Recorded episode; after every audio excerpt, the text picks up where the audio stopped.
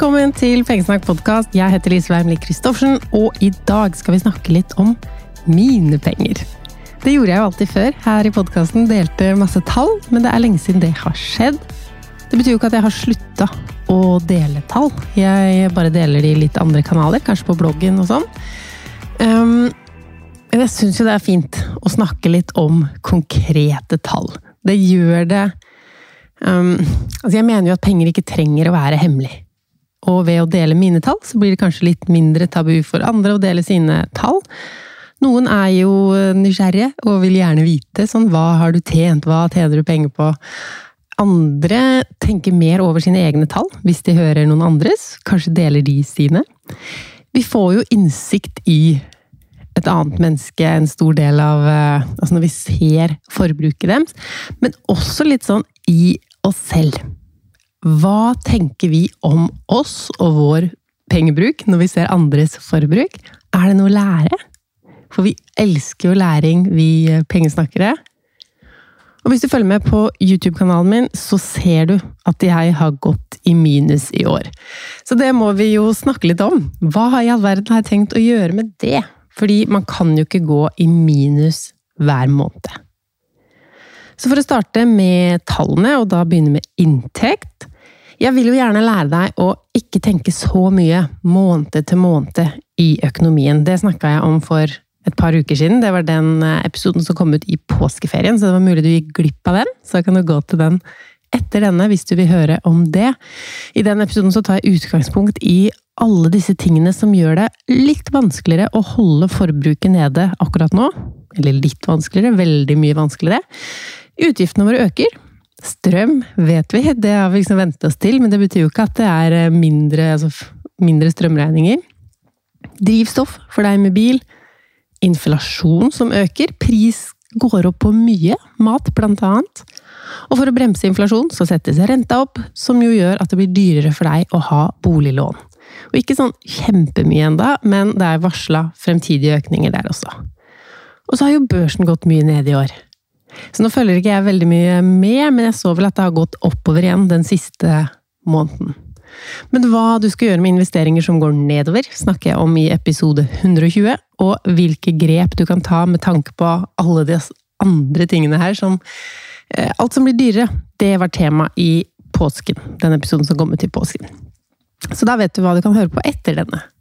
Men i dag handler det altså om min økonomi, og før vi kommer til utgifter, så er det inntekt.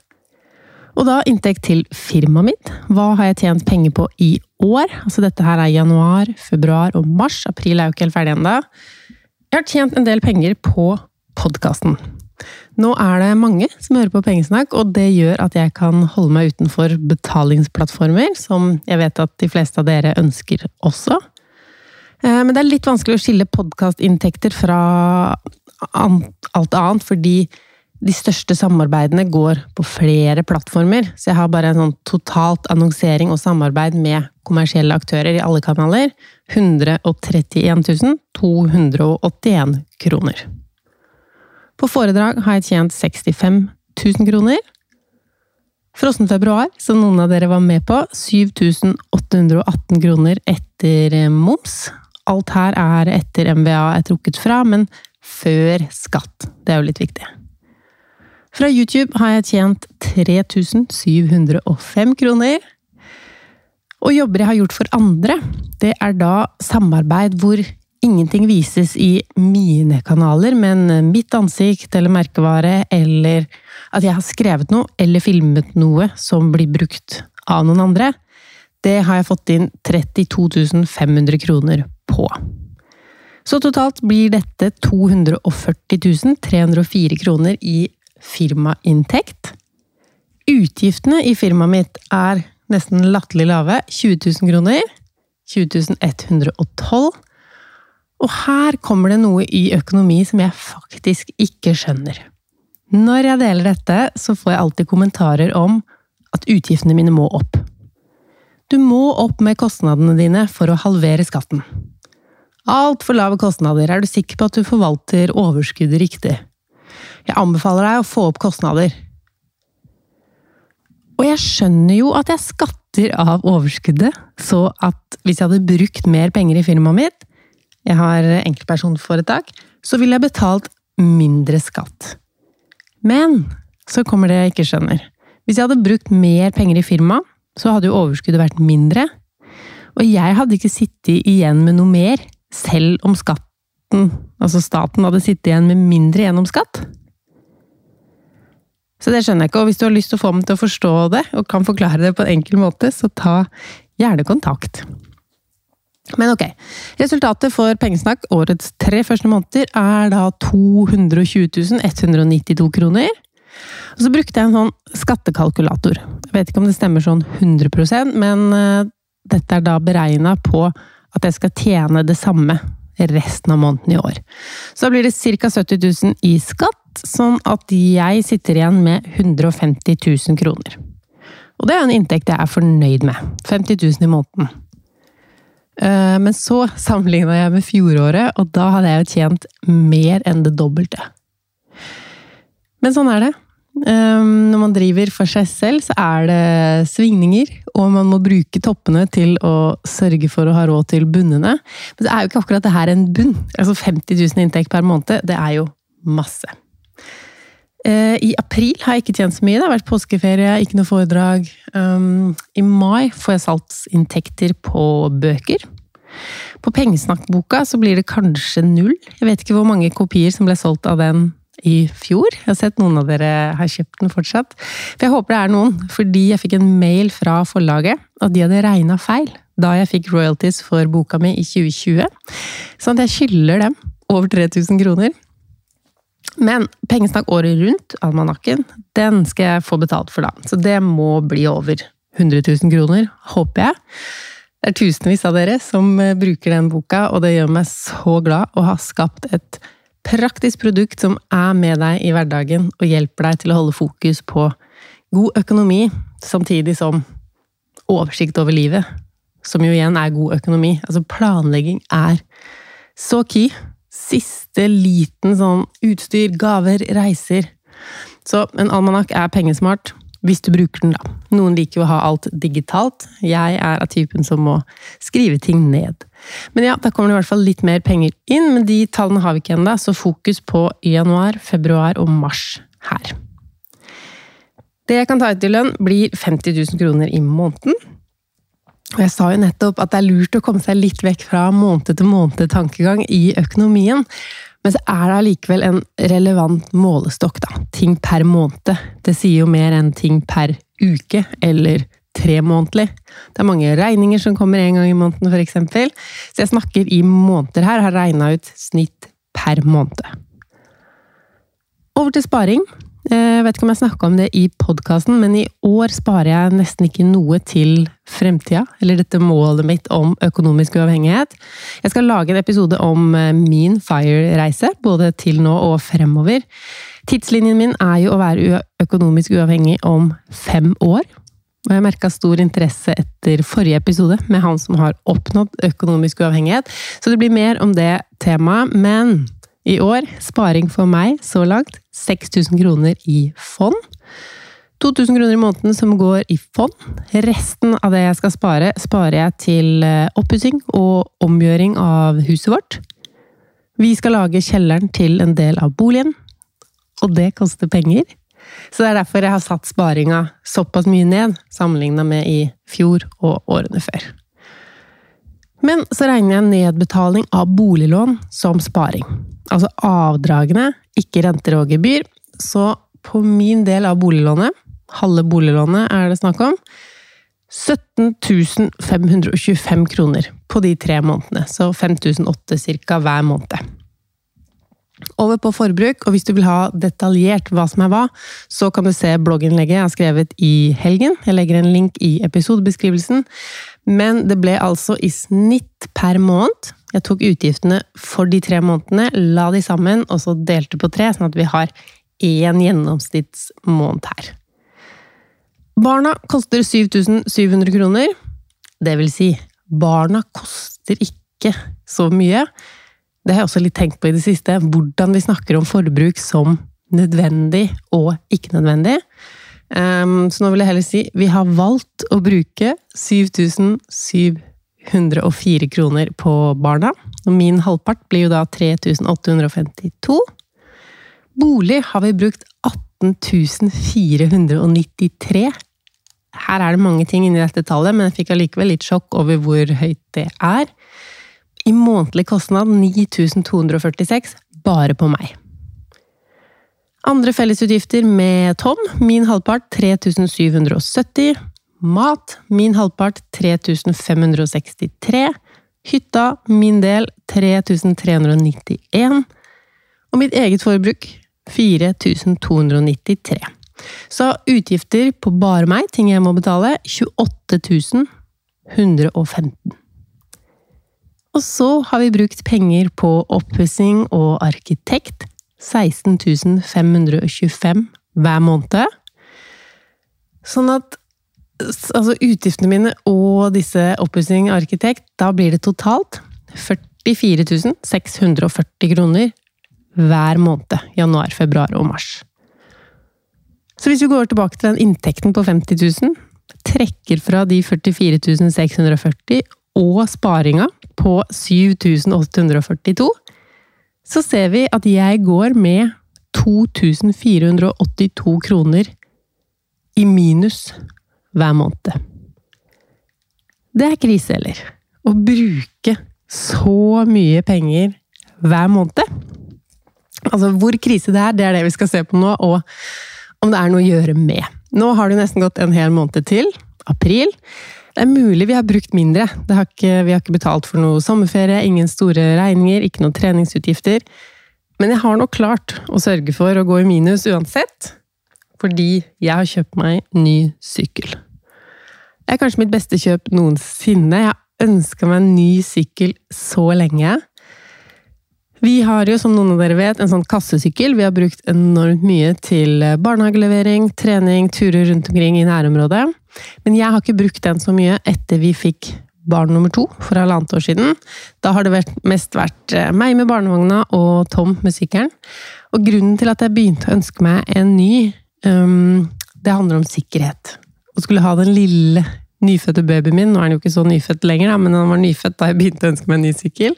Eh, jeg ville ikke ha han oppi den eh, litt eldre sykkelen vi har kanskje overdrevet å kalle det skranglekasse, men litt um, Jeg sykla jo til Oslo med den. Det er en grei sykkel. Jeg skal selge den, men det må være til en som kan fikse bremser og sånn, og det kan ikke jeg. Så jeg har kjøpt min drømmesykkel. Det er egentlig samme sykkelen jeg ville ha for tre år siden, da jeg kjøpte den forrige, men ikke tok meg råd til. Og det viste seg egentlig å være bra, for de syklene som selges brukt nå Ja, jeg har kjøpt den her og brukt, men allikevel dyr. Jeg betalte 31 000 kroner for sykkelen. Eh, men den har motoren i pedalen og ikke i bakhjulet. Altså, den funker bedre. Eh, det er en ordentlig oppgradering. Føles tryggere. Ser finere ut. Plass til og seler som funker til å ha flere barn oppi der. Lys og reflekser som funker. Det er en sånn måler, så jeg ser hvor mye batteri jeg har igjen, så jeg slipper å ha så mye rekkeviddeangst. Eh, et sånt tak jeg kan ta på om det regner, eller om jeg vil ha det litt lunere foran i kassa. Altså, jeg er så fornøyd. Kjøpte sykkelen av en familie som har tatt veldig godt vare på den. Jeg har vært og prøvd flere av dem i løpet av de siste åra, og nå eier jeg en sånn sykkel selv. Ok, eh, nå kan ikke jeg lese tankene dine, men hadde jeg vært deg, så hadde jeg kanskje tenkt hvordan kan du glede deg over et så dyrt kjøp når du går i minus hver måned? Kanskje tenker du at det er ikke noe du kan lære om sparing av meg lenger, eller noe sånt? Så la meg prøve å komme med noen, eh, noen poeng her. For det første, jeg har en veldig god økonomi. Jeg har gjort ting riktig i det som jeg kanskje vil si um, nå er det jo aldri for seint, men i de årene det teller mest, så har det vært utslagsgivende for min økonomi og liv. Altså alt det jeg gjorde fra 15 år til 25 år, kanskje. Eller 35, som jeg er nå. Jeg har jobba. Jeg har jobba mer. Jeg har spart masse, og jeg har investert. Så øyeblikksbildet, min økonomi i 2022, så langt i år, det ser dårlig ut. Men økonomien min er god. Og hvordan kan jeg si at økonomien min er god? Um, hvis vi begynner med gjeld Jeg har ikke noe dyr gjeld. Jeg har 100 000 kroner i studielån.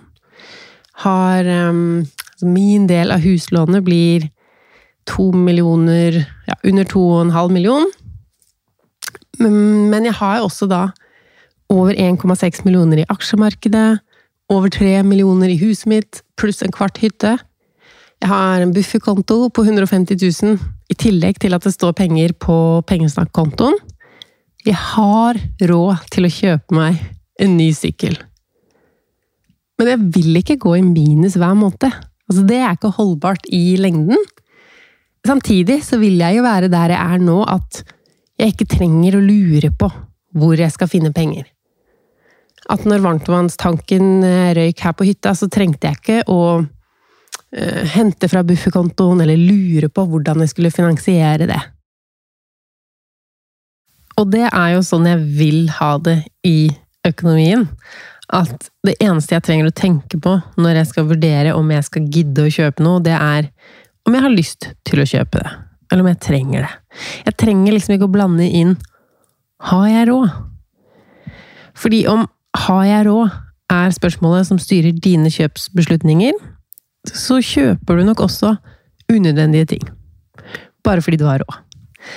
Men du må jo vite at du har råd, sammen med en hel del andre ting. Jeg kan legge link i episodebeskrivelsen til en film jeg nettopp laget med ti ting, eller kanskje ble det tolv ting, å tenke gjennom før du kjøper noe som helst. Så sjekk ut det hvis du egentlig ønsker å kjøpe mindre enn du gjør i dag. Sykkelen har jeg tenkt på så lenge. Hatt på autosøk, så jeg har fått med meg mange annonser for brukte sykler. Og ja, det var veldig, veldig dyrt. Um, jeg kunne ønske jeg kunne si sånn den erstatter en bil, så det er god økonomi, lønnsomt fra dag én. Men den erstatter ikke noe bil for oss. Vi har aldri engang diskutert å kjøpe en bil uh, nummer to. Og vi kommer jo ikke til å selge bilen, selv om vi har en bedre sykkel nå. Men det avlaster, da. At en av oss voksne kan dra på hyttetur med bilen, og så bruke sykkelen til barnehage, handling, fritidsaktiviteter. Nå spora podkasten litt av. Poenget var jeg går i minus i april. Også, tenker jeg. Nå har jeg ikke sett på tallene, men eh, på grunn av drømmesykkelen min. Og jeg gleder meg så til å sykle masse fremover. Det er sjelden jeg driver og romantiserer rundt kjøp, men i år har jeg faktisk to sånne fantastiske, egoistiske pengebrukssituasjoner. Så ja, det kan jeg jo si til deg som lurer på kan jeg lære noe om økonomi av deg lenger, som sløser og bruker så mye penger? Da er det punkt én. Det kan være som et mål å få råd til å kunne sløse når det virkelig er ting man vil ha. Og da kalles det vel ikke sløsing. Punkt to. Hvis du er uenig med meg, tenker at jeg tar feil økonomiske beslutninger nå, da lærer du kanskje enda mer enn om du ser på meg som en guru. For det du tenker selv, refleksjoner rundt pengebruk som du gjør, er jo enda mer verdifulle, kanskje. Nyttig for deg når du skal ta egne avgjørelser i din økonomi. Vi er jo ulike. Ulike behov, ulike utgifter. Jeg har hatt en del utgifter til sykdom i år, som jeg syns er dritt. Ehm, men så må jeg da noen ganger bare tenke at ting kunne vært mye verre. Jeg er heldig. Penger er ikke alt. Jeg har råd til det. Så jeg lærer fortsatt ting om pengebruk, følelser rundt penger, og når det er riktig for meg å spare, og når det er riktig for meg å bruke. Men hva kunne jeg gjort hvis jeg hadde en økonomi der jeg ikke hadde noen reserver, og hadde gått i minus sånn som jeg har gjort nå, januar, februar, mars, og sikkert også april? Hvis jeg styrte min økonomi fra måned til måned og var avhengig av å gå da enten i null, helst 90 pluss, da hadde jeg slitt nå. Eller det var 2482 kroner i minus hver måned som ble fasiten. Jeg investerer jo 2000 kroner i måneden i aksjefond. Og jeg har jo sagt til meg selv at jeg aldri skal slutte å investere, jeg skal bare fortsette. Så jeg kan endre beløpet opp og ned, men jeg skal aldri slutte. Det vil jo i praksis si at jeg gjør det fordi jeg vil ikke komme i en situasjon der jeg må bestemme meg for om jeg skal starte å investere igjen. Jeg tenker at hvis jeg aldri slutter, så lager jeg ikke noe sånn terskel for å komme i gang igjen. Men jeg kan jo redusere mer. Planen var jo egentlig også å investere kun 1000 kroner per måned, så la oss si jeg går ned til det. Da har vi jo redusert dette månedlige underskuddet på 2004 til 1482. Um, helseutgiftene Nå fikk jeg frikort nå i april på helse, så da har jeg brukt i snitt 730 kroner på helse. Altså av ting som blir registrert som egenandeler. Så hvis vi trekker fra det beløpet fremover Jeg har jo ikke tenkt til å være veldig mye hos leger og sånn, altså, men gå på faste medisiner og Ja, det er en kostnad. Så hvis vi trekker fra det, så går jeg bare i minus med 752 kroner. Mitt nye matbudsjett, eller matbudsjettsystem Jeg skal fortelle deg mer om det når det er perfeksjonert, eller kanskje litt før. Men det handler om ukesbudsjett istedenfor månedsbudsjett. Game changer. Um, og det gjør jo at vårt matbudsjett blir lavere. La oss si 5000 på mat. 2500 av de må jeg betale for, og snittet på mat har jo vært 3563. Så her er det da 1063 kroner spart. Og da går jeg, hvis alt dette går etter planen, 311 kroner i pluss. Eh, vi kunne jo fortsette med flere kategorier også. Ehm, vi har jo alltid variabler Ingen måneder er sånne perfekte budsjettmåneder. Det er alltid et eller annet eh, feiring eller bursdag eller ting som skjer. At vi i mars måtte bytte varmtvannstank på hytta, det er jo ikke noen garanti for at ingenting ryker hjemme før sommeren. Um, så variabler vil det alltid være. Men la oss si at jeg ikke fant noe å kutte. Hva ville jeg da gjort? Eller hvor skal jeg begynne å leite etter å finne ting å kutte? Jeg skal stille det spørsmålet i Facebook-gruppa nå, sånn at du kan delta i diskusjonen. Hvis noen går i minus hver måned, eller fire måneder på rad i dette tilfellet, hva ville du ha råda dem til, eller hva ville du ha gjort selv? Dere har alltid så mye klokt å komme med, ehm, så det gleder jeg meg til å lese. Det første jeg ville måttet gjort, var å sette oppussinga vår på pause. Det har jo vært 16 525 kroner i månedlig gjennomsnitt, så hvis vi hadde kutta av det, så hadde jo alt vært bra. Tom og jeg har altså brukt 100 000 kroner på oppussing på tre måneder. Og det er primært regninger fra arkitekt, men også et nytt soverom.